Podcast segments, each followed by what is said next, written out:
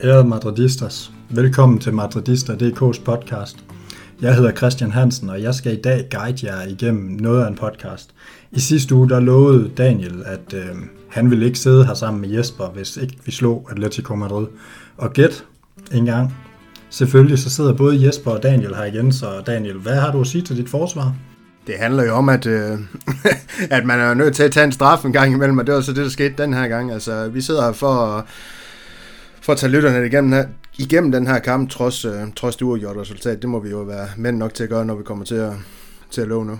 Lige præcis. Og vi skal igennem det her uafgjorte resultat. Så skal vi igennem ugens, øh, hvad der er sket på madridista.dk, hvor I har udpeget en øh, vigtig artikel, en vigtig nyhed. Så skal vi runde La Liga og vores øh, vanlige fire kategorier. Vi skal have uddelt nogle priser der. Derfra så øh, glider vi over og snakker lidt Castilla, Real Madrids ungdomshold, som er, som er ret højt flyvende lige for tiden, inden vi mod slutningen kommer til at, at runde næste uges vigtige Champions League-kamp, og, og her har vi modtaget nogle gode spørgsmål fra vores lyttere, både på Instagram og, og på Facebook, så det, det glæder jeg mig faktisk til at dele med jer. Jesper, hvad glæder du dig egentlig mest til? Jamen, der er mange gode emner i den her podcast her, og, og, og det skal blive spændende at komme det igennem, og, og forhåbentlig få lavet endnu en god podcast til vores lyttere, som, som øh, er gode til at støtte op om det her projekt. Det er vi glade for. Ja, jamen altså det er jo nærmest begejstring på Fyn, det, vi, det I hørte der. Jeg har også en lille overraskelse til jer, gutter. En gammel kending vender tilbage til Madridister.dk podcast. Det er, det er quizzen. Altså, jeg kan næsten se, at I bliver helt vilde trusen, og jeg kan se, at Daniel han er allerede begyndt at beskylde andre for snyd. Spørgsmålet til jer, de her, det er, hvem der blev skiftet ind i Champions League-finalen i 2014 mod Atletico Madrid. Hvem var indskifterne, og bliver der brug for et sådan spørgsmål, så har vi også det. I har den opgave, at I skal sende mig svaret i løbet af udsendelsen, og så øh, kommer jeg til at afsløre for, for lytterne til sidst, både hvem der blev skiftet ind, så I kan gætte med derhjemme, og, øh, og også hvem af de to herrer, Daniel Andersen og Jesper Frost Hansen, der ved mest om den her legendariske Champions League-finale. Jesper, kan du huske den, som var det i går? Ja, det, der er momenter i den kamp, man ikke øh, sådan lige glemmer, det vil jeg da sige. Øh, så, så jo, den kan jeg godt huske. Men øh, om jeg lige kan ramme de, de tre indskifter, det, det skal tiden vise. Nej, men altså, jeg må også sige, nu sad jeg og så den kamp sammen med dig, og jeg må sige, at øh, din promille, den var, den var ganske høj i, øh, i ekstra tiden, og øh, jeg har sjældent set nogen, øh, nogen mand i 40'erne være så klar på at tage i byen som, øh, som du var efter sejren. Så, øh. du, du, du vil rigtig gerne øh, opleve kamp med mig. Jeg sad hjemme og så den sammen med Karsten. Min kone havde lige født, og jeg var ikke... Øh, hvad så blander jeg Champions League-finaler sammen her. Jeg var da sikker på, ja, vi har, set mange, vi, har, vi har set mange finaler sammen, men lige den der, den så jeg med min, min rigtig gode ven Karsten øh, i min egen stue, og du var der ikke. Der kan man du bare se, velkommen, der kan man bare se, jeg var helt sikker på, at du var med til den, uh, til den legendariske fejring. Der kan man bare se, Daniel, hvor så du den kamp? Jeg, jeg så den dagen efter. Jeg var til, til bryllup, da Madrid de vandt uh, La Decima. Det var faktisk lidt en katastrofe. Um, ham gutten her, der skulle giftes, han var selv Real Madrid-fan, så uh, jeg er ikke helt tilfreds. Han havde to datoer at vælge mellem, og han, han, de vælger så datoen, hvor der er Champions League-finalen. Selvfølgelig på det tidspunkt, de vælger, der vidste de jo ikke, Real Madrid de ville gå i den, men alligevel. Det er en rookie mistake. Jeg har selv kun misset en enkelt, og, og den fik jeg endda nærmest på en 50 års fødselsdag, fordi den skulle alligevel vises. Og det var ikke min egen, og det var heller ikke Jespers 50 års fødselsdag. Det var, det var da vi slog Juventus i Champions League-finalen i sin tid. Nå, øh, for anden gang selvfølgelig. Men, øh, men lad os komme lidt i gang. Daniel, du, øh, du har haft til opgave at, at kigge på det her Atletico-opgør i weekenden, sådan spillemæssigt. Hvad det var, der foregik. Kan du, øh, kan du tage os øh, kort igennem det? Jamen foregik der noget?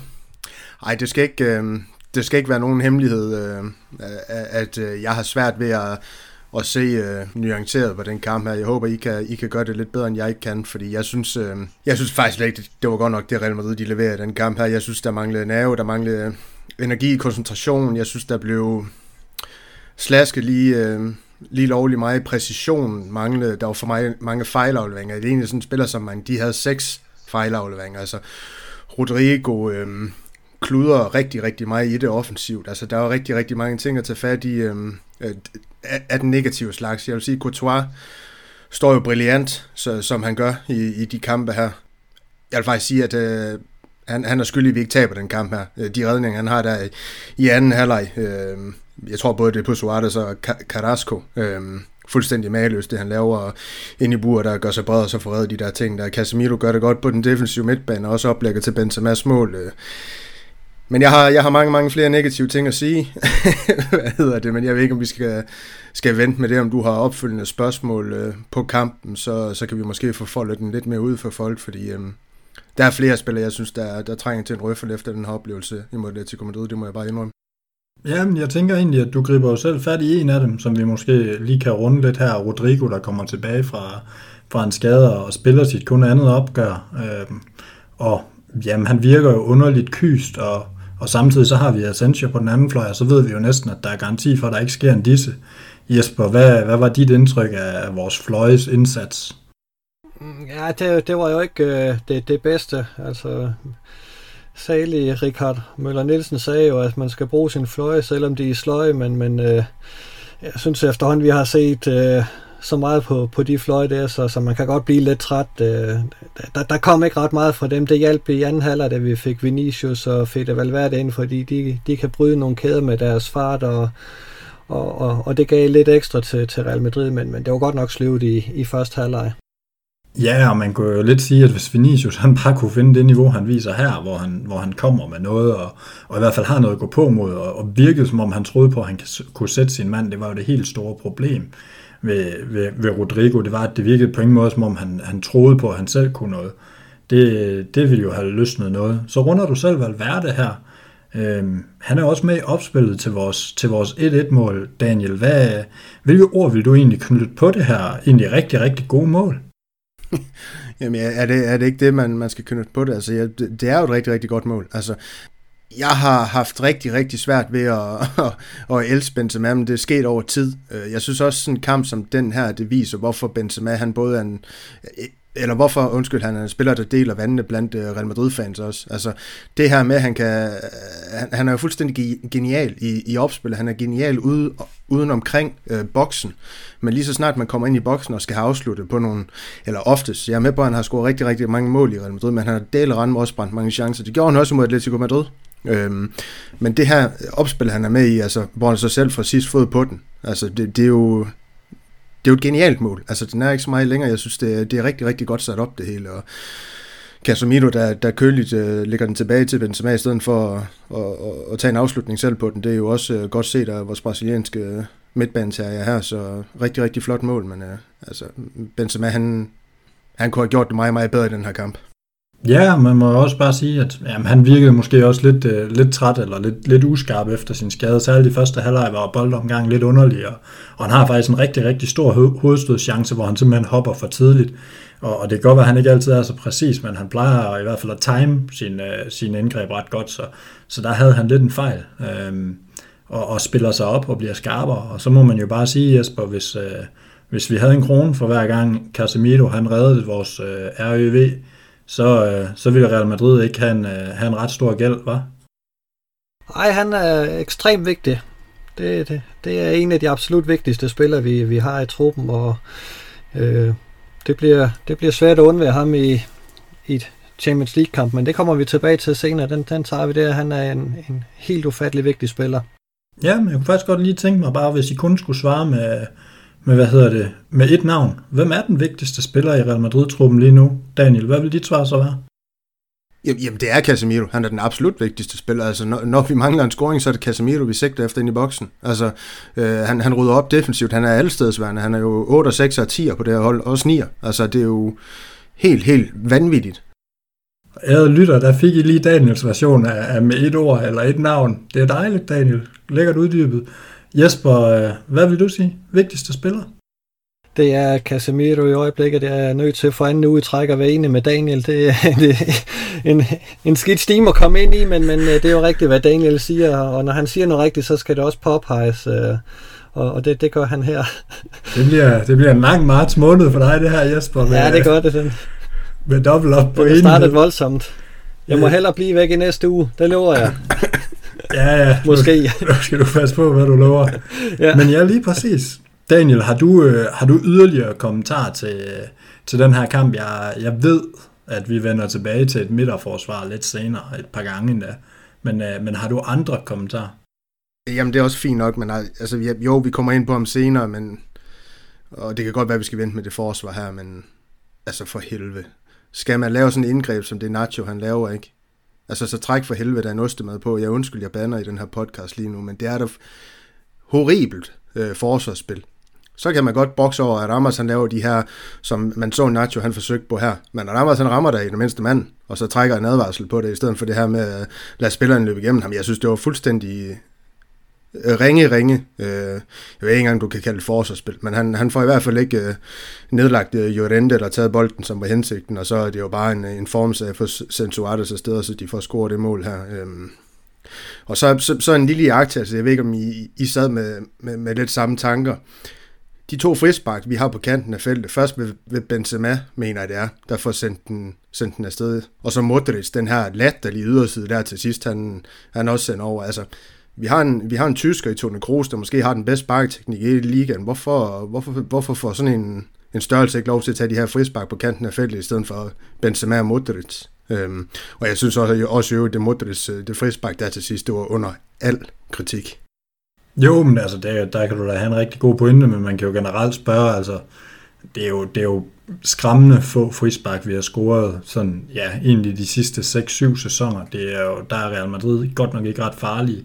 Og det er vel spørgsmålet, om det er noget, man skulle kigge på til sommer. Og selvfølgelig så har man Kroos, der har en god sparketeknik, men der er også en grund til, at han aldrig har taget frispark sådan for Real Madrid. At, at i virkeligheden er han bedre til indlæg, end han er til de her, til de her spark. Men, men Jesper, er det, er det noget, som Daniel han har set, uh, set ret? Nu spørger jeg dig igen, om, om du er enig med Daniel, men at, at vi måske burde kigge på, hvem der både skal tage de her, og, og måske også kigge på til sommer, om man skulle få hentet en, der var rigtig god til at sparke frispark. Ja, det, det gør jo aldrig noget at, at være stærk i den disciplin også. Øh, øh, havde Ramos nu været med, så, så havde det sikkert været ham, der havde sparket de to, og, og han har også øh, en ganske habil evne til det. Så, men, men det er rigtigt, uh, Modric, uh, det, det var jo nærmest en hån, det, det han sendte afsted. Det, det, det virker som noget, der bare skulle afvikles lynhurtigt, og uh, det, det virker ikke særlig gennemtænkt. Ja, nej, det, det er det, jeg mener. Jeg, jeg synes jo netop, det her frispark, han får sendt afsted, det opsummerer hele Real Madrids kamp. Den her fuldstændig slaske attitude, jeg er med på, at vi får det ene point, og, og det skal vi jo selvfølgelig også prise os lykkelige for, fordi det gør, at vi, ja, jeg stadig har en reel chance for at vinde det her mesterskab, selvom de er 8 point foran os, altså, men, men det er jo ikke tabt endnu. De har stadig svære kampe. Vi har selvfølgelig også vores, vi skal se til, men altså, det, det holder os derinde, men, men altså, der, der mangler bare noget præcision i den her oplevelse mod Atletico Madrid, det må jeg sige, og du er også selv inde på, Christian, altså, det er jo ikke et skræmmende Atletico Madrid-mandskab, det her. Men alligevel sidder man med en fornemmelse, at det gør jeg i hvert fald, at vi var heldige med det ene point. Øh, Atletico Madrid, de kunne sagtens have taget de tre. Det er i hvert fald den fornemmelse, jeg sidder med. Jo, men det tror jeg at vi alle sammen sidder med, også fordi det er rigtig svært, særligt den første team. Øh, men altså omvendt, så må man jo også sige, at, at, at vi har jo også nogle chancer, og, og har vi lidt den der skarphed, så, så tror jeg også, der vil være en anden... Altså det er også lidt det der med, det virker som om spillerne godt ved lige nu, at vi skal bruge to og en halv chance for at lave et mål, og det, det gør også, at det hele er lidt mere op ad bakke hele tiden. Så, så Real Madrid har jo nogle udfordringer, som vi har, som vi har rundet rigtig mange gange. Øh, og de bliver jo bare tydelige, når vi møder et hold som Atletico, som, som måske netop har fået styr på de udfordringer og fået, og fået dem adresseret med at få en målfarlig midtbanespiller i Lorente og, og, en, og en super skarp angriber i Suarez ind. Altså man kan jo sige, bare de to mand, ikke fordi jeg synes, de er en fremragende fodboldspillere, men de er jo lige præcis det, Real Madrid mangler, altså ironisk nok, og det er jo det, der er lidt ærgerligt.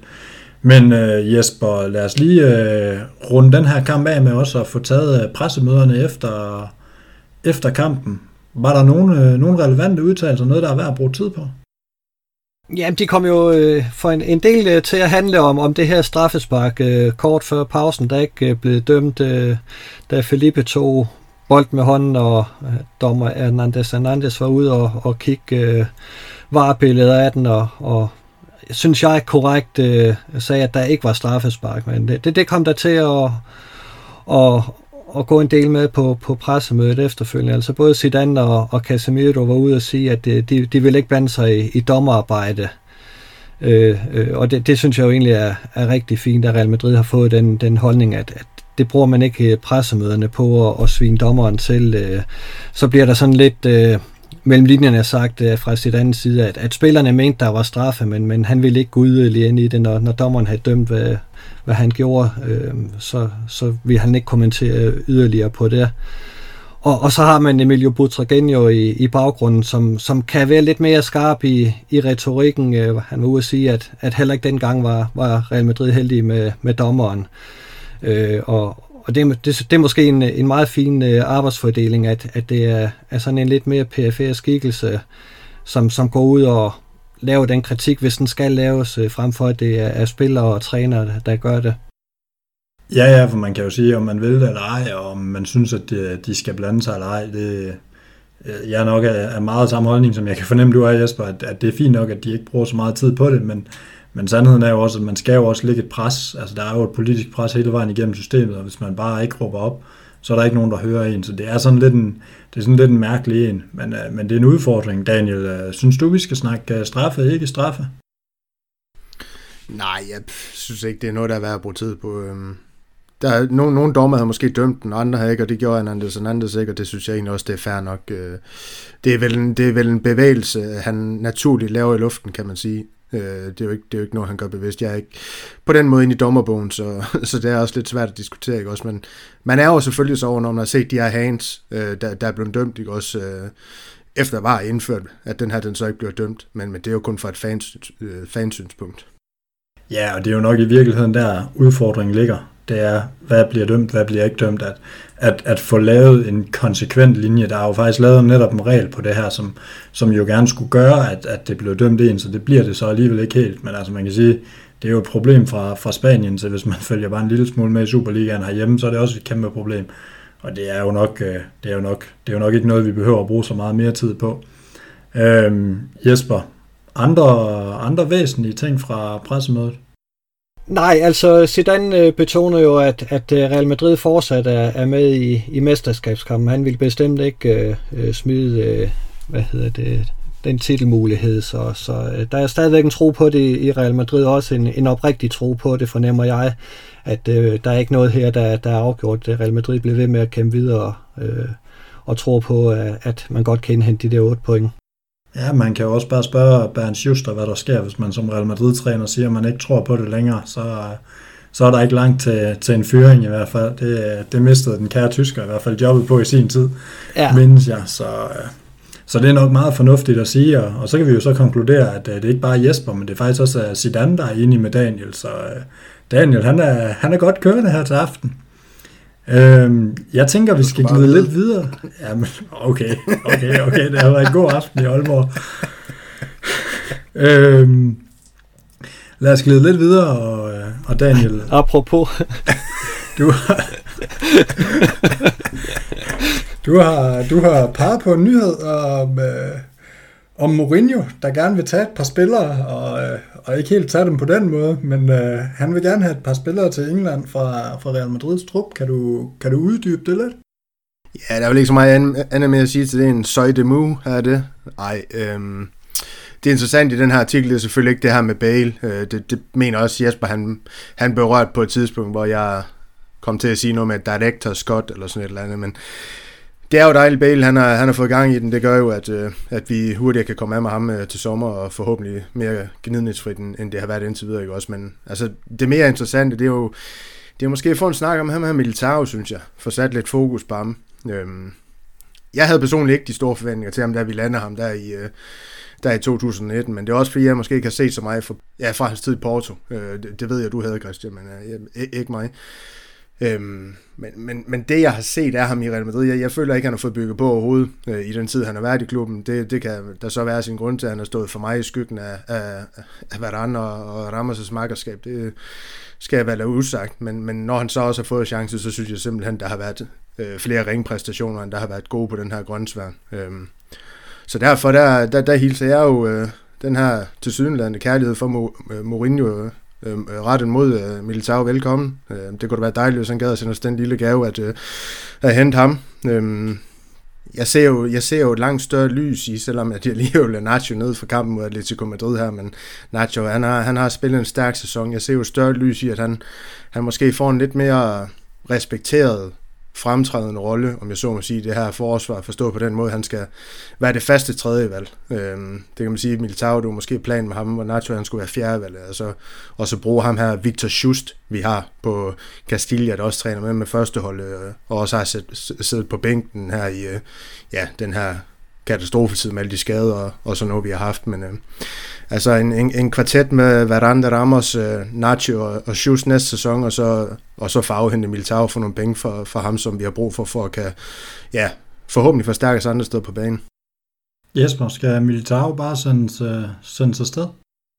Ja, hvis prisen er rigtig, så, så tænker jeg ikke, at det, det er en spiller, vi som sådan kommer, kommer til at savne. Jeg har også været lidt skuffet over det, vi har, har set fra hans side. Han virker som en spiller, som er, som er let at gøre nervøs, øh, og det er jo det er bekymrende at have sådan en mand rendende rundt i, i forsvaret. Øh, altså, der, der er jo flere spillere, der har, har knækket halsen, selvom de, de så lovende ud, øh, da vi hentede dem det, det er bare en, en svær plads, øh, fordi han kommer heller ikke ind og får regelmæssige spilletid. Det er en, en spiller, som er, er tredje eller fjerde valg, så, så det er svært det der med at skulle præstere, når man, når man så endelig får chancen, øh, frem for at komme ind i et, et mere kontinuerligt øh, forløb, hvor, hvor der er, er kamp regelmæssigt. Det, det, det har han jo ikke mulighed for, så, så det er også en svær position for ham. Men øh, hvis, hvis beløbet er rigtigt, så, så kunne jeg godt være tilhænger af at afhente ham. Jamen, jamen, det er jo nok, det han siger, det her med nervøsiteten, Jesper. Altså, det er jo lidt Danilo om igen ude på den højre bak her. Altså, han, han lignede jo også en, ja, en, en forvirret spiller nu, når han spiller det ud. En spiller, der måske heller ikke har selvtid nok på bolden, øh, troede nok på egen evner måske i virkeligheden. Øh, jeg skal vel udsagt, hvordan han har gjort det i Manchester City, og så senere i, i øh, ja, Juventus er det ikke der, han er kommet til, men altså, det, det, det var bare ikke godt nok i Real Madrid øh, på den scene her, øh, som andevalg. Jeg ved godt, det her med at være reserve, det er en utaknemmelig opgave, men du kan bare se sådan en som Nacho. Han går jo ind, og så leverer han, når han, når han skal. Det er det, vi har brug for. Det er det, en klub, Real Madrid har, eller en klub så stor som Real Madrid, der har de ambitioner, de nogle gange har. Der skal vi have en spiller, der bare rent skade Nacho ind, øh, leverer bare. Altså, det, det er lidt det er lidt der, jeg vil hen, og så, så synes jeg, at øh, så ser jeg der større perspektiv i vores fjerde valg, det er en, øh, ja, en Castilla-spiller, eller sådan en, man rykker op, og så, så giver chancen, chancen, ligesom Nacho i sin tid faktisk. Og man kan sige, at udfordringen er måske, hvis man skal sætte det her lidt på spidsen, og sådan, altså, det er jo nogle rigtig gode pointer, at jeg er langt hen ad vejen også enig med jer, men, øhm, men udfordringen er jo måske, at, at det er måske ikke så meget af Militao, der ikke har slået til. Jo, det har han ikke. Men spørgsmålet er jo, det er, lidt, det er jo lidt Jovic diskussionen om igen, det er jo egentlig også lidt diskussion med nogle af de andre talenter, Ødegård og så videre, om det også er en træner, som, som ikke har, har ønsket de her spillere, og derfor har fået dem mod sit ønske, og ikke rigtig har ønsket at bruge dem, eller om det er en træner, der ikke rigtig formår at få givet dem den tillid og den tro, altså om nervøsiteten den alene kommer af klubben og af tilhængerne, eller om den i virkeligheden også kommer lidt, fordi hvis man har følt, at man ikke har fansene eller har trænerens opbakning, så bliver man måske hurtigere nervøs. Og det er, jo, det er jo i hvert fald noget, Real Madrid, synes jeg, bør evaluere på, også i forhold til det her. Jeg er helt enig med, at hvis man kan få en god pris for Militao, så skal han der afsted, fordi han bliver ikke nogen succes under, under hvad hedder det, Zidane. Men omvendt, så kan man jo også sige, at hvis Mourinho kan se et lys i ham, og der har været visse andre klubber ude også, så er det måske også lidt et tegn på, at vi har en træner, der ikke er super god til at få indlemmet de her spillere. Jesper? Ja, det er da rigtigt. Det er, det er jo et, et, et problem, at vi efterhånden har haft mange unge spillere igennem, som ikke er slået igennem på hold. Altså der er Zidane jo den type, at øh, hvis ikke du virkelig er, er, er god nok, jamen så, så øh, starter du på bænken. Altså øh, Ødegård kom jo til at stå bag Kroos og Modric og, og Casemiro på midtbanen øh, og havde overhalet dem simpelthen ikke, øh, fordi øh, Zidane, han, han, han går med, med de sikre valg, øh, og, og dem han, han kan stole på, øh, Øh, især når, når resultaterne ikke øh, lige øh, udspillede sig på den måde, som, som vi alle sammen godt kunne have tænkt os. Der, der var jo problemer fra starten med, at vi kom, kom bagefter, og, og så kører Zidane den, den sikre stil, øh, som de fleste nok øh, ville gøre. Øh, og, og, og, det, og det gør det svært for, for de unge spillere at komme ind og, og, og slå igennem. Ja, men, øh, men det er jo stadig en udfordring, og det er noget, vi, vi bør få adresseret. Jeg mener bare, det er jo noget, man bør få evalueret på i hvert fald. Daniel, du vil også øh, hjertens gerne sige noget. Nej, men jeg, jeg, jeg tror, du har ret, Christian. Altså, jeg tror, det hele det er, at øh, Zidane og klubben de går skævt af hinanden, for jeg er lidt ligesom dig, lidt ligesom du måske også lægger op til, så er jeg ikke sikker på, at de her spillere, det er, det er Zidane, der har ønsket dem. Jeg er faktisk næsten overbevist om, at det, det ikke er Zidane, der har ønsket spillere som Militao og Jovic. Øh. Så, så på den bekostning, der, der kan jeg da godt forstå, at han ja, jeg måske heller ikke ser, ja, ser det store lys i ham, og så kan man sige, hvorfor man hentede Militao overhovedet? Altså, hvad var meningen med ham? Hvordan udvikler du en, en ung, hvad var det, 20-21-årig spiller, når du har to så profilerede spillere i, i, i, i Varane og, og, og rammer, så, så er altså umuligt at, at, at bygge på en spiller, så, så, så, som du skal have til fremtiden. Altså i hvert fald i min optik. Du kan ikke gøre det ordentligt med, med så talentfuld en spiller. Ja, altså jeg vil sige, at Ødegaard var, var jo direkte Zidane, som, som kaldte ham hjem fra, fra Real Sociedad, øh, men, men det er da rigtigt, de to andre spillere kan det da godt være, at, øh, at han ikke øh, var absolut fortaler for. Ja, jamen det er, det er også helt rigtigt, Jesper, der er jeg ikke uenig. Altså, du, du, vi så jo også i starten af sæsonen, hvad jeg husker, Ødegaard, han får chancen af Zidane. Øh, han, han imponerer bare overhovedet ikke, det skal vi også være ærlige indrømme der til at starte med, så ved jeg godt, at han regner ind noget skader nu, men han får jo ikke overbevist øh, Zidane i de kampe, han får af ham, øh, og det er også der lidt af problemet ligger, og så gider Ødegaard så bare ikke at, at, at kæmpe for det, og så tog han så videre til en mindre adresse. Ja, lige præcis, og, øh, og det der med at tage videre, det er jo egentlig ret relevant. Nu nævner vi nogle klubber, som, øh, som ja, de kunne spille Champions League, og Jesper, det, det er det, du gerne vil snakke lidt om. Hvad, hvad sker der i fremtiden med, med klubber, der spiller Champions League?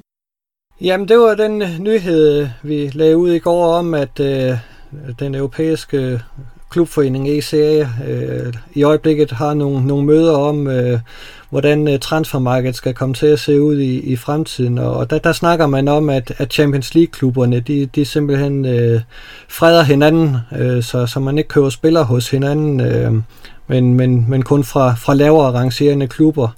Og, og så kan spillerne faktisk først skifte... Øh, når, når hvad hedder det, øh, deres kontrakt udløber.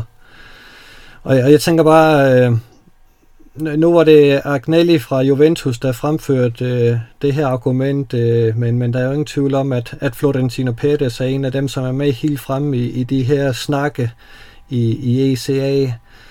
Øh, og jeg kan godt blive lidt bekymret for, øh, for europæisk øh, klubfodbolds fremtid, når jeg hører sådan nogle nyheder som nemlig, fordi jeg synes, øh, det er da helt hen i skoven, at øh, man vil lave sådan en art karteldannelse og, og stavnspinde spillerne. Altså, jeg, jeg kan da frygte, at vi får nogle spillere, som, som ikke vil lave langvarige kontrakter, fordi de så er bundet øh, til klubberne, eller skal, skal gå en, to eller tre skridt ned for at komme videre. Det, det er den forkerte vej at gå, og jeg synes... Øh, de skal lige hanke lidt op i sig selv, øh, og så ikke være så forhippet for at få den der europæiske Superliga, så også lige, lige tænke øh, det her lidt ekstra godt igennem, inden at øh, de når frem til, til den endelige beslutning. Jo, men det kan jo måske netop være noget tryghed omkring nogle af de her spillere, at Altså, nu ser vi jo rigtig meget snak om både Håland og Mbappé, og man, ser jo også, man er også som Real-fan bekymret for, at, at nogle af vores relevante spillere, de bliver hentet af, af andre klubber, eller lige pludselig tager afsted. Så der er jo nogle udfordringer den vej. Daniel, øh, er du lige så bekymret som Jesper for, at det her det, det går igennem? Jeg valgte helt naivt, og så, og, og, og så måske gå til den lidt på en anden måde, for jeg havde da lidt håbet, at man gjorde det for at kanalisere nogle flere penge ind i de små klubber. At det var derfor, man skulle hente spillere derfra. Men det kan jeg da godt se, det er fuldstændig naivt nu, når det er de store klubber, der, der vil have lavet det her tiltag jeg kan ikke se, hvorfor man skal, man skal lave sådan noget her. Det, det, det vil da, altså hele charmen, altså alt det, vi glæder os til som fans også, altså om sommeren, skulle jeg næsten sige, om vinteren, det her med, at øh, uh, spillerne de skifter det frie marked på en eller anden måde, det synes jeg, det er ærgerligt, hvis man, man bare fordi man er store klubber, så går sammen, og så kan, kan lave sådan nogle tiltag her, det kan jeg ikke se, uh, ja, nogen værdi i overhovedet, det må jeg sige. Nej, så bred enighed igen. Det er, det er helt utroligt, drenge. Jeg ved ikke, hvad jeg skal gøre for at fyre lidt op under jer, men uh, men nu kan jeg se, at Daniel han er begyndt at spise, og, og så plejer det altid at hjælpe lidt på det, når han først får blodsukkeret op. Så, så kan der ske lidt, og øh, det kan være, at det sker, når vi begynder at, at snakke La Liga, fordi der er, der er sket en del den her weekend. Valencia har slået Villarreal. Det var Villarreals 8. kamp i træk uden sejr, og, øh, og allerede i det, jeg siger, siger Valencia, så er Jesper jo ved at udvandre. Og øh, lidt de har slået Getafe i en kamp, hvor Jaime Mata, han, øh, han formår at blive udvist for noget fuldstændig håbløst. Elche, de slog minsanten Sevilla. Alle de her opgør, de tre første i runden, de endte jo i 2-1. Det ved jeg ikke, om det er sket før, for nylig i hvert fald. Det, øh, det var en lidt sjov stat. Cadiz, de fik endelig en sejr, da de slog Eibar i bundopgør. Barcelona, de slår Osasuna 2-0, og øh, begynder efterhånden at se lidt farlige ud. Det vender vi måske tilbage til. Celta Vigo slår Huesca 4-3 i noget af et opgør, hvor der allerede ved pausen stod 2-2. Man vil bare ønske sig, at Real Madrid engang imellem kunne score to mål på en halvleg. Så spiller vi uafgjort 1-1 mod Atletico Madrid. Real Sociedad, de slår Levante 1-0. Athletic Bilbao, de slår Granada 2-1 på hjemmebane, endnu en 2-1'er. Og endelig så rundede Real Betis og Alaves weekenden af, da de spiller 3-2 på et øh, lettere episk comeback af, af Betis i den her kamp, som, øh, som faktisk bringer Betis i nærheden af europæisk fodbold, og det er jo også ret imponerende. Og så havde vi en, øh, en enkelt midtugekamp, hvor øh, Atletico Madrid var i store problemer på hjemmebane mod Bilbao, men øh, via en enkelt Bilbao-forsvar og et øh, lynskarpt angreb, så var, så var Atletico Madrid på 2-1 og, øh, og mesterskabskurs igen. Drenge, hvad, hvad var det allervigtigste den her weekend for jer at se i, i La Liga? Hvis jeg skal starte, så vil jeg sige, øh, det, det vigtigste eller det vildeste, øh, det, det er jo nærmest det, det, der sker i Andalusien i øjeblikket, hvor, hvor Sevilla går helt i stå og har haft nogle mareridtsure med øh, nogle, nogle dårlige resultater i, i La Liga, og farvel til Copa del Rey, øh, som man ellers var, var godt på vej i finalen til, og så nu ud af, af Champions League også øh, Øh, skrækkelige uger for Roland Lopetegi og, og Sevilla, og, og så Betis, øh, som fortsætter den gode steam bagud 2-0 ved pausen og vinder 3-2. Og dele med om de to klubber så ikke tørner sammen i den kommende weekend her i, i Andalusien, det er jo øh, nærmest bygget op til øh, smukker kan det næsten ikke gøres. Øh, der, der, der bliver gang i, i sagerne i den kamp, det kan der ikke være tvivl om. Ja, skal man se et opgør per sæson i spansk fodbold, som ikke er med Real Madrid, så, øh, så skal man altid tage det andalusiske derby. Det er, det er, det er altid garant for, for et eller andet, om ikke andet sådan noget ballade. Daniel, har du, øh, har du nogle store takes fra den her weekend, eller skal vi gå i gang med vores priser? Nej, vi kan da godt lige... Øh, jeg, jeg synes jo, øh, som en af dem i panelet her, at, at det er rigtig sjovt at kigge på de her expected goals, altså Real Sociedad Levante-kampen. Det her med, at Sociedad de vinder 1-0, de har en expected goals på næsten 5, altså 4,95. Levante har en på 0,19.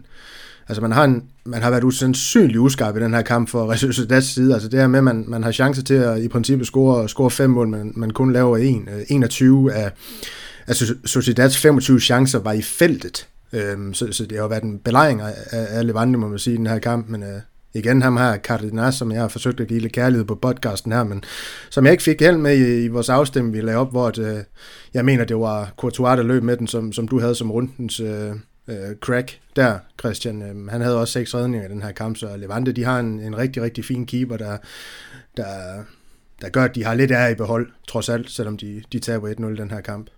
Ja, og man kan sige, at de bliver faktisk noteret for otte store chancer i, i det her mm. ene opgør, og hvis vi skal sammenligne lidt med, med hvad det betyder i forhold til andre kampe, så, øh, så er der faktisk ikke i andre kampe, hvor begge hold til sammen har otte store chancer.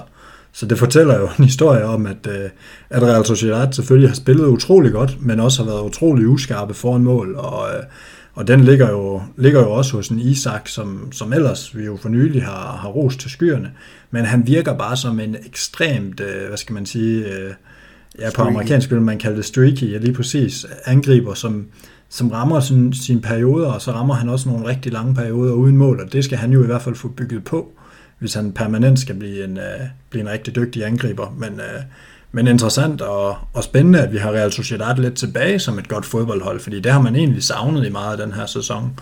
Så, så jeg synes, det var en, øh, det var en god indflyvning, vi fik til, til spansk fodbold her. Og, øh, og jeg synes da bare, vi skal, vi skal flyve lidt videre med, med ugens Dudo. Jesper, der har du et rigtig godt bud på den her øh, lidt hårde, grusomme kategori. Ja, det er en, en lidt hård skæbne, der har ramt øh, vores tidligere talent, det, er Adrico Sede, som, som i dag øh, frister en tilværelse hos Deportivo.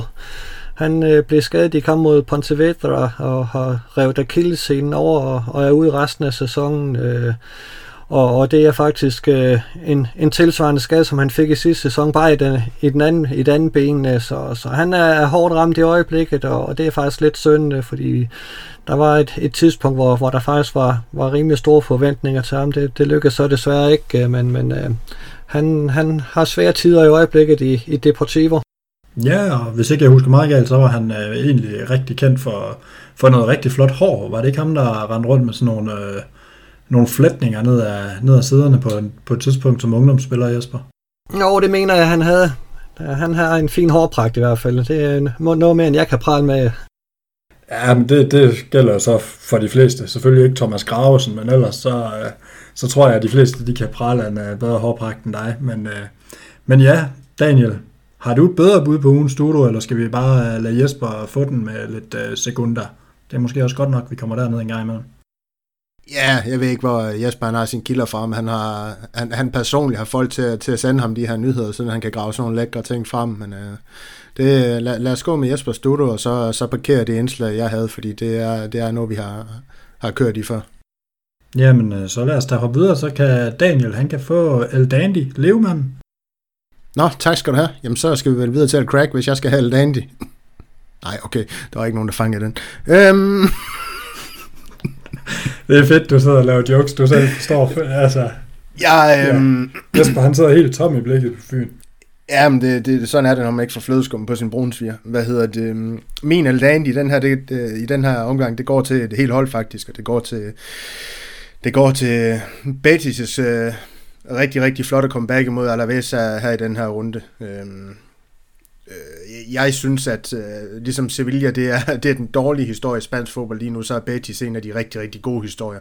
Deres opstigning, den er, det, den er rigtig, rigtig fin. De har fået tur i den de seneste, seneste kampe øhm, øh, med, med, med sejre, og, og jeg, jeg tror faktisk ikke, de har, de har tabt i efterhånden øh, godt en håndfuld kampe, og så ham her, angriberen Iglesias, han er jo, han er jo bare formidabel. Han scorer på et straffe, og så sætter han den også øh, øh, flot ind i felt. Øh, en, en, en formidabel angriber. Det er lidt sjovt, hvorfor man for Real Madrid side nu, når vi er ved det, ikke er, øh, har, har set på sådan nogle typer øh, som ham, og måske også Gerard Moreno, der, der, der, der, der, der gør det fint i, i Villarreal, selvom de ikke har, har tur i den nu, ikke også? Men altså, det, er bare, det er bare lidt sjovt at se, hvorfor man, man går med de her Jovic i stedet for nogle af de her spillere, at man, man også har ondt i spansk fodbold, der er rigtig, rigtig dygtige, som måske et andet valg til, til Benzema. Øhm, øh, men, men ja, altså Betis, jeg, jeg synes, de er gang i en rigtig, rigtig flot, øh, det her andalusiske øh, mandskab. Når, når, det, når det store af dem, om jeg så må sige, ikke kan finde ud af det, så er det godt Betis, de trods alt kan.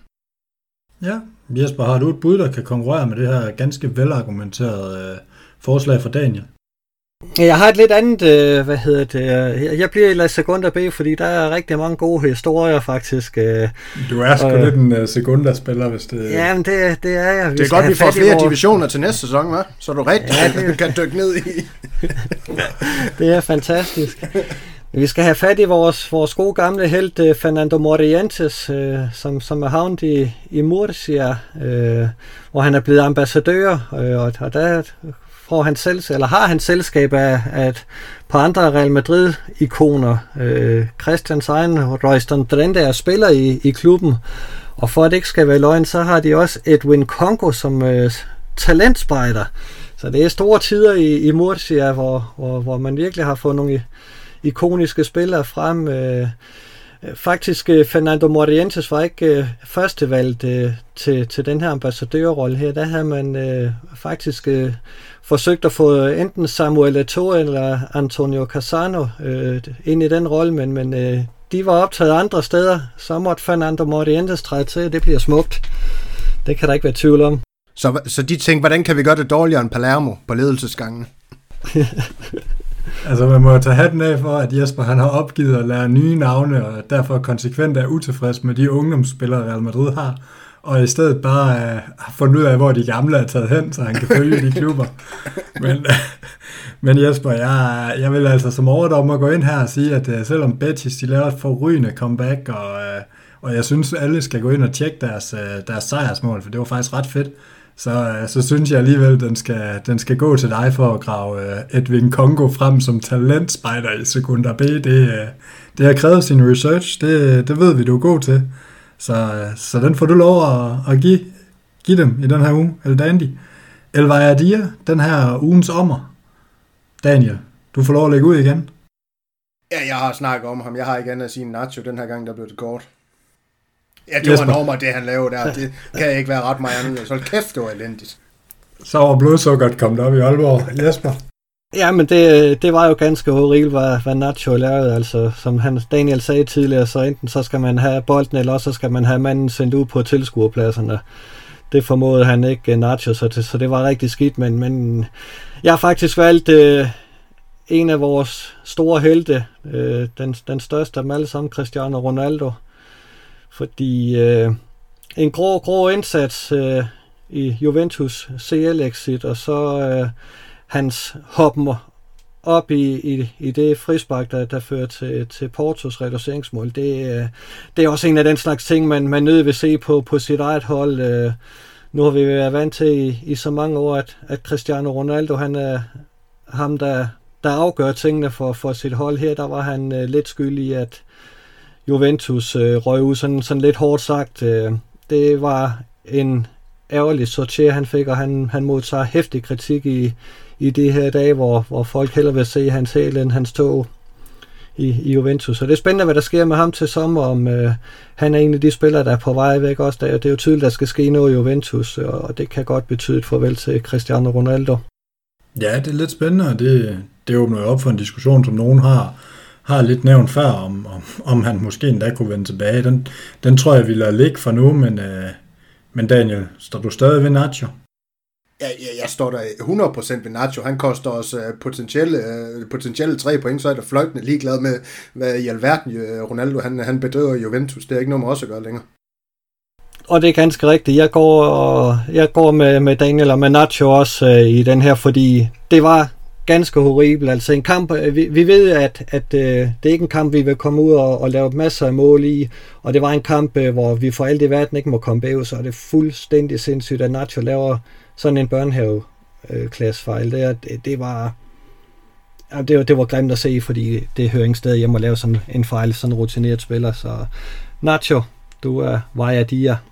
Da han kan også godt tåle det og, og bære det, fordi han har leveret nogle, nogle rigtig fine indsatser, så, så han ligger ikke søvnløs i nat over, vi laver sådan en på ham. Nej, jeg er så overrasket, hvis han hørte det, men, øh, men ja, jeg, jeg vil da godt give jer ret. Det er, det er jo det er jo lidt horribelt, og det er jo, det er jo ekstra ærgerligt, fordi det er jo egentlig er det, man er, man er efter militær for at gøre, at så er det det, han går ind og gør, og endda tidligt i kampen, der han kan jo ikke engang sige, at det er, fordi han er træt, eller, eller vi skal satse, eller sådan noget, det er jo bare, det er jo bare netop, som I siger, utilgiveligt, så, så lad os øh, lade den gå til, til Nacho, en uh, tidligere Castilla-talent. Jeg har lidt på fornemmelsen, at når vi skal tale uh, El Crack, så kunne det godt være den her ugens rigtig gode nyhed, at, uh, at vi måske kommer til at tale noget Castilla. Det, det er i hvert fald dem, jeg har valgt, fordi de for, for nogle uger siden havde jeg dem som øh, variadier, fordi det ikke udnyttede potentialet øh, fuldt ud. Nu har de sendt en masse spillere på førstehold, øh, fordi øh, at Zidanes tropper var i nød, og, og så lige pludselig så begynder de at, at levere resultaterne, og, og ligger faktisk lige nu på andenpladsen og, og kan selv afgøre det. Jeg synes, det er, er super flot gået, øh, og, og det ligner, at de skal med i oprykningsspillet, øh, selvom der venter to svære kampe her til sidst, men, men øh, en rigtig, rigtig flot steam, de er inde i. Ja, Daniel? Det, det er da rigtigt nok. Men øh, nu skal vi også snakke Castilla senere, så kunne vi jo have, have nævnt det der også. Der er ingen grund til at, at nævne dem så meget. Jeg, jeg har valgt at, jeg har valgt at pege på Celta Vigos øh, fire mål på en XG på, eller en expected goals på 0,66 af mod Uesca i, i, i den her runde. Det synes jeg jo, det er fuldstændig vanvittigt, og det, det er jo i, i, i stærk kontrast til, eller skarp kontrast, undskyld, til det Real Madrid, de, øh, de leverer tilsvarende for en, foran mål, ikke også? Altså, prøv at tænke, hvis at vi, vi havde den her skarphed for vores offensive spillere i Asensio, øh, var vi godt nok lidt efter Rodrigo, men han er lige kommet tilbage, og det skal, ret skal også være ret, men Vinicius, alle de spillere her, øh, jamen, vi har jo scoret mange, mange flere mål. Øh, Celta Vigo, de, de, de leverede, trods, øh, trods øh, få store chancer i den her kamp mod Esker, altså for at score fire mål, det synes jeg, det er ganske imponerende. Så var det jo så ikke så imponerende, det de leverer defensivt den kamp, men, uh, men de skal have ros for det offensiv, trods alt. Ja, og de har jo et par, et par rigtig dygtige angriber, så det er måske også, uh, der er jo måske nogle gange sammenhæng mellem det her, at når man overpræsterer, så er det jo netop, fordi man har dygtige angriber. En Nolito er jo, er jo kendt for, at han klapper dem altså tit ind, når de kommer ned foran ham. Det kan godt være, at han ikke er så god til så meget andet, og at han er lidt en egoist i mange situationer, men, uh, men hvis uh, kuglen den lander for fødderne af ham i feltet, så, uh, så ryger den ind, og det gør egentlig heller ikke noget, at den lander i hovedet af ham. Så, øh, så et ganske godt bud, Jesper. Øh, giver du der? Ja, det, det kan jeg sagtens, øh, og, og det er jo spændende, at vi skal møde dem øh, næste weekend igen, øh, så, så det bliver lidt spændende. Santimina er også en af de spillere, som, som er, er rigtig godt kørende i øjeblikket, mest scorende for holdet i, i 2021, så øh, det, bliver, det bliver spændende i, i Galicien, når vi skal derop.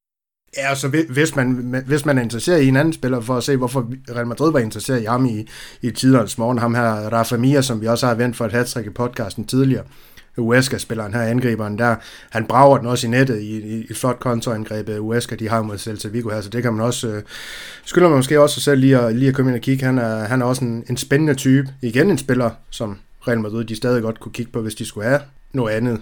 Ja, jamen, øh, det er jo, det er jo nogle, nogle ganske gode navne at bringe i spil, og det er jo noget, vi kommer til at diskutere rigtig meget frem mod sommer. Vi har også snakket lidt om, om vi allerede her i, i den næste landskampspause skal begynde at, at kigge frem mod, hvad vi forventer i transfervinduet, og hvad vi overhovedet, om vi kan forvente noget. Så, så en lille teaser, for det kan vi jo godt lægge ud, og, øh, og så må vi jo lave ugens Vajadia, den må vi jo, eller ikke Vajadia, nu sidder jeg og vrøvler, eller Krak, den må vi lade gå til Celta Vigo, og så siger at så fik Daniel da også spoleret mit fremragende overlæg til, at vi skal til at tale Castilla nu. Fordi øh, de her, de, øh, I har lidt at sige om Castilla lige for tiden. Jesper, du har været lidt inde på det. Men kan du uddybe lidt om de her resultater lige for tiden? Jamen, øh, ikke bare øh, for vi, vi sejner nu, det, det er faktisk også øh, flot spil at, at, at holde det øh, præstere, så, så det, det, det er rigtigt tidspunkt at, at holde topper på, fordi det, det er nu, det, det snapper til. Der, der er to kampe tilbage, og, og, og det er to svære kampe. Først øh, El Derby mod Atletico Madrid, øh, og så øh, en kamp øh, mod, mod topholdet San Sebastian de Dos Reyes. Øh, så det, det bliver to vanskelige kampe, øh, inden at, at man kan sige, at, at den her øh, oprykningsplads forhåbentlig er sikret, men, men det, det ser rigtig godt ud, synes jeg. Ja, lige præcis. Daniel, hvad, hvad tænker du om Castilla lige for tiden? Jamen, øh, jeg tænker, de har, der er nogen, der har, har lyttet til, til Jespers vise ord om den her Vajadia Dia for den gang, og så har de jo ja, taget tyren på hornet, og så, så forvent det her. Altså med 13 point i, af 15 mulige over de seneste fem kampe, det, det synes jeg, det er, det, det er ganske imponerende. Også en minde det her med, at, at altså, der er mange af spillerne, der har, der har hvad skal vi sige, hoppe mellem, øh, mellem Castilla og så, og så, hvad hedder det, første hold, altså både Dudo, øh, Juste, øh, Arribas og Jamen Gutierrez og Blanco har vel også været oppe, i, oppe og sidde på en bænk. Ikke? Også, altså, der, har, der har været lidt øh, frem og tilbage for de spillere her, men alligevel har de, har, har de altså leveret på banen for, for Castilla. Det, øh, det synes jeg, at det er, det er beundringsværdigt. Der, der er rigtig, en rigtig, rigtig spændende overgang, det her af, af spillere, der, der er dernede lige nu. Så vi har måske noget at, at forhåbentlig glæde os til som, som Real Madrid-fans for, for Aja Akademi. Ja, altså man må sige, det er jo de her spillere, som vandt Youth League sidste år, som, som er dominerende på det her hold, og, og det har måske faktisk gavnet deres udvikling, at de er kommet lidt op omkring førsteholdet. Det kan man jo godt sidde med den tanke om det der med at komme op og træne med nogle spillere, hvor det går lidt hurtigere, hvor man ikke lige pludselig er den bedste. At det kan være noget, man kan tage med i kampene. Uh, en af de helt store profiler i det her, det er, det er en ung kant, Arribas. Vi har stiftet en lille bitte, bitte, bitte smule bekendtskab med ham på førsteholdet, Jesper. Men hvad er han for en fyr, ham her, ham her den unge kant?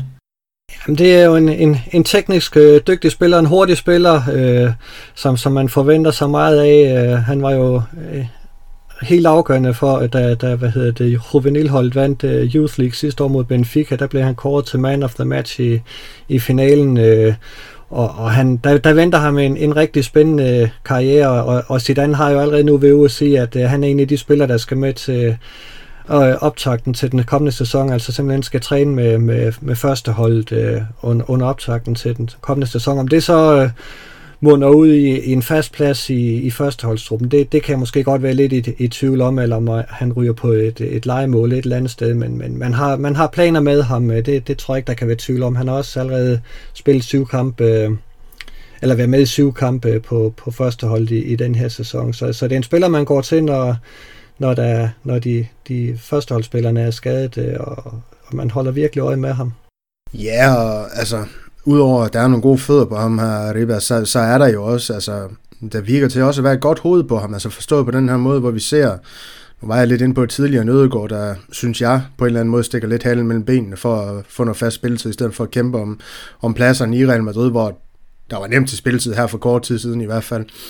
Altså så, så skulle han jo have været ude udtalt i hvert fald, at han, han har ikke i sinde at lade sig udleje eller noget som helst sammen her, her den unge gut. Han vil, øh, han vil blive i Real Madrid og så, så kæmpe for sine muligheder.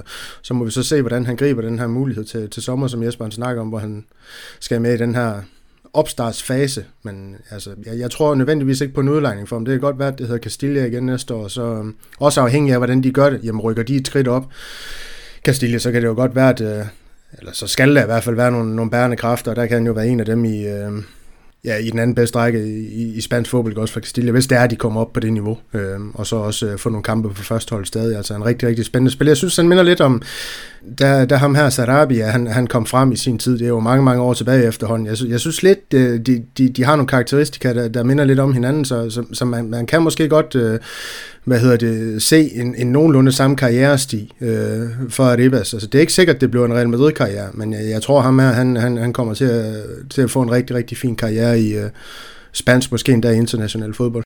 Ja, det er jo altid svært at spå om, om de ender med at, med at bryde mm. totalt igennem, eller om de ender med at, med at, hvad skal man sige, ende på den næste øverste hylde. Jeg er da ret sikker på, at, øh, at de fleste gerne vil tage netop en Sarabia-karriere. Øh, for at sammenligne dem lidt, så er, er Arribas nok lidt mere kantspiller og, og lidt mere med begge fødder. Men det er lidt det samme, at han kommer til, når han bliver seniorspiller, og skulle finde måske lidt nogle andre, lidt nogle andre kvaliteter, fordi han ikke helt har den samme fart som eksempelvis Vinicius. Men til gengæld så kan han med begge ben, og vi har også allerede set, når han er kommet ind, at han har en god forståelse for spillet. Øhm, så han er ikke sådan nogen hindring i, øh, i opspil og så videre, og han gør faktisk noget af det, vores, øh, vores spillere ellers ikke rigtig kan finde ud af, at tage nogle, tage nogle fornuftige løb i banen også. Øh, det kunne være utrolig spændende, hvis han måske fik lidt medvind på et tidspunkt. men Der er heller ikke nogen tvivl om, at han skal have bygget noget fysik på. Øhm, der, går, der går lidt tid, inden han er, han er førsteholdsspiller. Jeg, jeg læste til gengæld en, en, en britisk scout, som faktisk øh, skrev, at, øh, at han rangerede ham oppe sådan i kategorien under, under Marpea Håland, men, men i kategorien af de, af de næststørste talenter, som, som han mente kunne blive bærende for, for alle klubber i verden. Øhm, og som han så sagde, jamen man ved aldrig, om det så betyder, at de får en karriere i, i Sevilla eller nogle af de her subtopklubber, eller om de ender med, med en af de helt store karrierer. Men altså, lige nu, der må man jo sige, altså hvis vi sammenligner lidt med nogle af de talenter, vi har, så er han vel ved at overhale en Renier allerede, altså, og en Kubo. Altså, stoler vi ikke mere på Arribas fremadrettet, Jesper? Jo, han har jo i hvert fald den fordel, at han løber rundt med det spanske pas, som ingen af de to andre har, og, og heller ikke har udsigt til at få øh, inden for, for de næste år. Så, så der har han jo allerede en, en kæmpe fordel, og øh, han er også øh, med på øh, en UEFA-liste over 50 øh, stortalenter, som øh, UEFA har bedt deres reporter i Europa om at lave, øh, og, og der rangerer han højt, der er han en af, af, af, øh, af kun fire spanske spillere, så Øh, det er en spiller, man, man godt kender øh, ude i Europa, øh, og, og der, der, det, det bliver spændende at følge ham, det, det gør det helt sikkert, men du har helt ret i, der skal bygges øh, lidt på fysikken, fordi øh, det skal ikke blæse ret meget i, i galisen, før så vælter han. Ja, og så, så jeg ved ikke, om vi, vi, vi skal lade, lade det være ved det med Ribas, men, men altså, jeg har også altså, en jagttagelse af ham her, Juan Latasa, der, der også render rundt på det her Castillo-hold, der også var en del af den her, det her Youth League, øh, den her Youth League succes i sidste sæson. Altså han, han har stået lidt i periferien af, af, af Dudu, det skal være sagt, i, i den her sæson for Castillo, men i de, i de sidste par, øh, par kampe, der har han altså godt nok brændt den af med, med tre mål i fem kampe. Øh, jeg tror, det er en spiller, vi kommer til at se rigtig, rigtig meget mere til, og, og det leder mig også til, øh, til at reflektere lidt over det her med, at altså, det er lidt, jeg synes Real Madrid's akademi, det er lidt undervurderet, altså i forhold til det her med, hvor mange dygtige angriber vi faktisk spytter ud. Altså Negredo, Soldado, den generation, det var jo dygtige angriber. Morata, Altså, vi kan jo mene, hvad vi vil om ham, og vi gør måske også det grin, vi skal med ham, men han er jo en, en, en rigtig, rigtig fin angriber. Resette havde en stor karriere, måske ikke helt angriber, men stadig en, en offensiv spiller, ikke også? Øh, en stor karriere i vente, undskyld, men så får den skade her. Der er altid den næste på vej. Mariano, han havde lidt altså slå, slå igennem Lyon, har ikke gjort det i Real Madrid her nu, jo også, men det er bare for at sige, altså, jeg tror, jeg tror ham her, Latasa, han, han, han, han kan blive det, det næste store for, ja, for Real Madrids akademi på, på 9. Der er jo også lige lavet en, en opgørelse fra CIES, øh, som, som viser, at øh, Real Madrids øh, ungdomsafdeling er, er den bedste af, af, af alle de fem store ligaer, og den, den, øh, den sjette bedste i Europa. Øh, og, og det fortæller også lidt om, at, øh, at komme ind omkring øh, La Fabrica, det, det kan altså godt være vejen til en, til en rigtig fin karriere, også selvom det måske ikke lige øh, ender med at, at hedde Real Madrid. Jeg tror, der er mange spillere, øh, der, der godt vil øh, bytte uh, Moratas uh, karriere uh, ud for, for det, man, man ellers kunne, kunne blive udsat for. Altså, det, det er nogle fine adresser, han har været på, og, og en rigtig fin karriere, han, han har gang i, øh, hvad, hvad enten vi så kan lide ham eller ej. Så, så, så er det rigtig fornuftigt, og sådan er det med flere af de andre spillere også, der har været igennem øh, La Fabrica. Det, der, der venter nogle, nogle ganske fine karriere rundt omkring på, på store fodboldadresser i Europa. Jamen, øh, lad det være ordene om, øh, om Castilla i den her omgang. Drenge, vi skal, vi skal forbi endnu et, øh, et segment her. Vi har, vi har spurgt lytterne om nogle, øh, eller spurgt lytterne, vi har bedt lytterne spørge os, stille os nogle spørgsmål omkring, øh, omkring den her Atalanta-kamp, og jeg tænker egentlig, øh, der er et par stykker, der har spurgt om det her, men jeg har lige gravet Jonas Nielsen frem som, øh, som den første. Drenge, han spørger, hvis vi er ud til Atalanta, er det så Zidans endeligt? Jesper?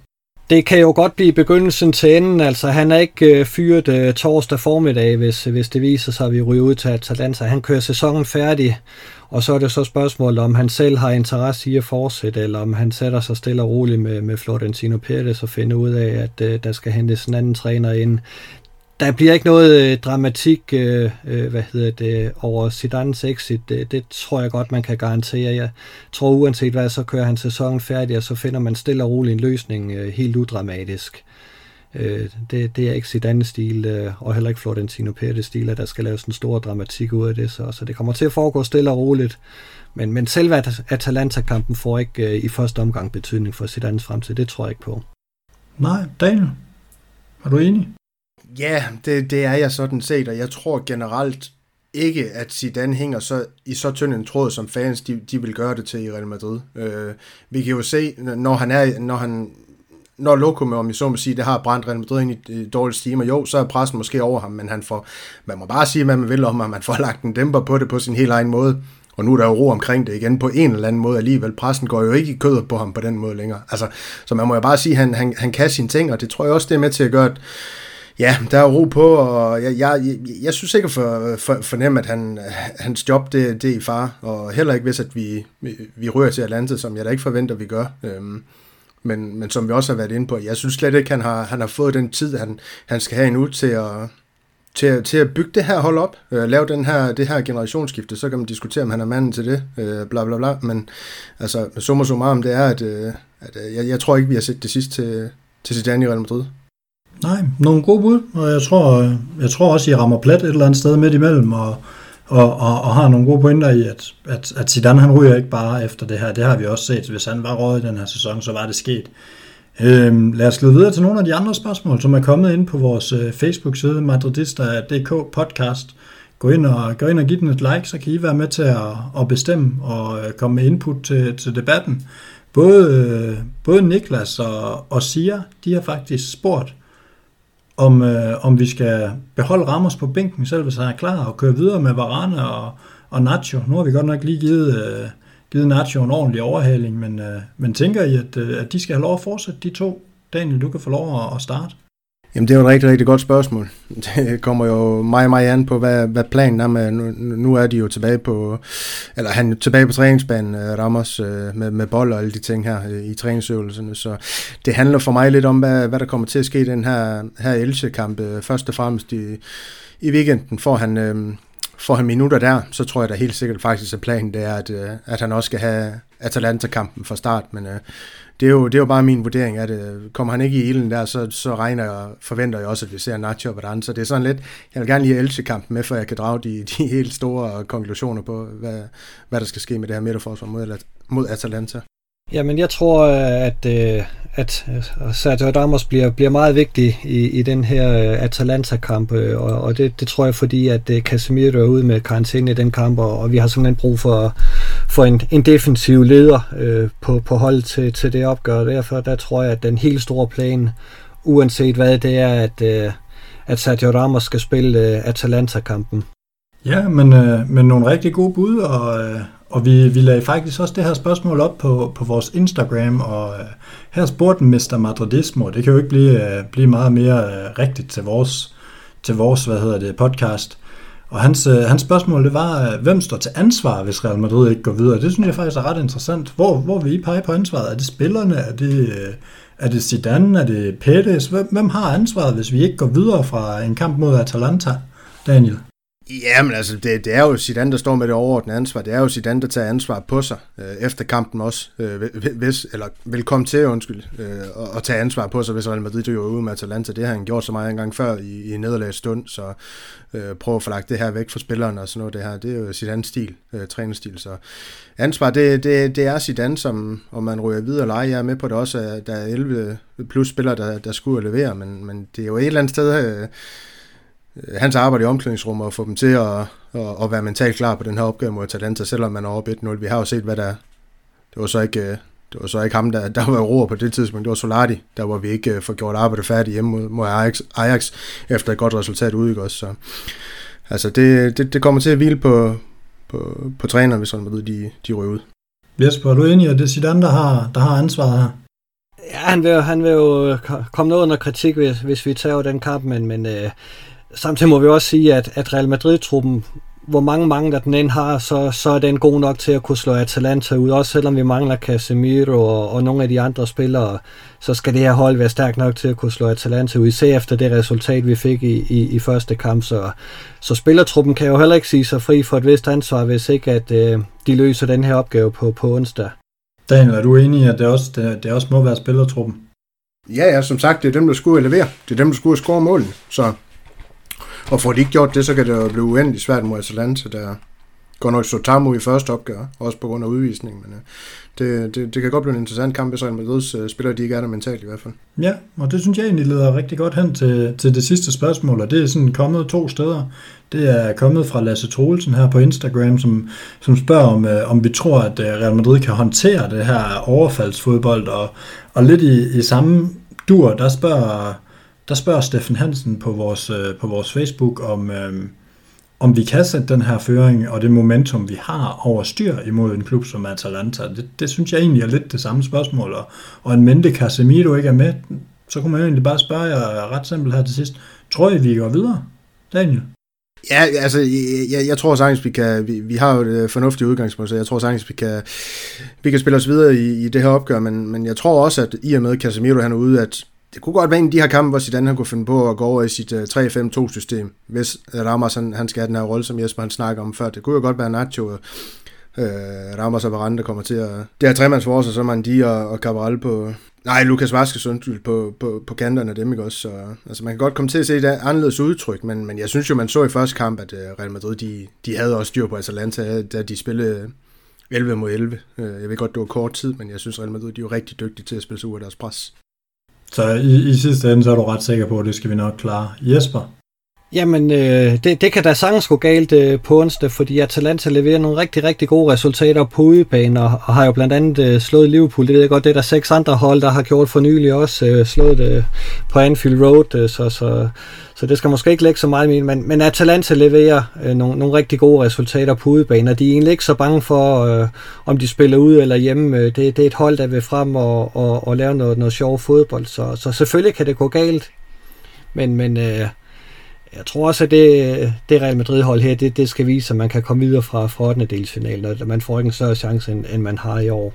Men jeg er altså også bare nødt til at sige, altså Atalanta, det er altså også et af de mest forudsigelige hold i hele fodbold-Europa. Altså, de har en spillestil, spillestil undskyld, under Gasparini, og det er det her presfodbold. Det, det, det, det får de så også leveret i, i fin stil i nogle kampe, ikke også? Men altså, igen, som jeg har været inde på, Zidane, han, han, han kan nogle flere ting med, med, med sine spillere. Han, han læner sig ikke op af en taktik, og det er måske også fordelen det her opgør. Han, han kan, øh, hvad skal vi sige, sætte brækkerne sammen på en helt anden måde, end Gasparini han, han, han kan. Øh, jeg tror, Zidane han er, han er sværere at læse for Gasparini, end Gasparini han er for Zidane, og det tror jeg også, at det, det kommer til at, at spille ud til Real Madrids fordel til sidst.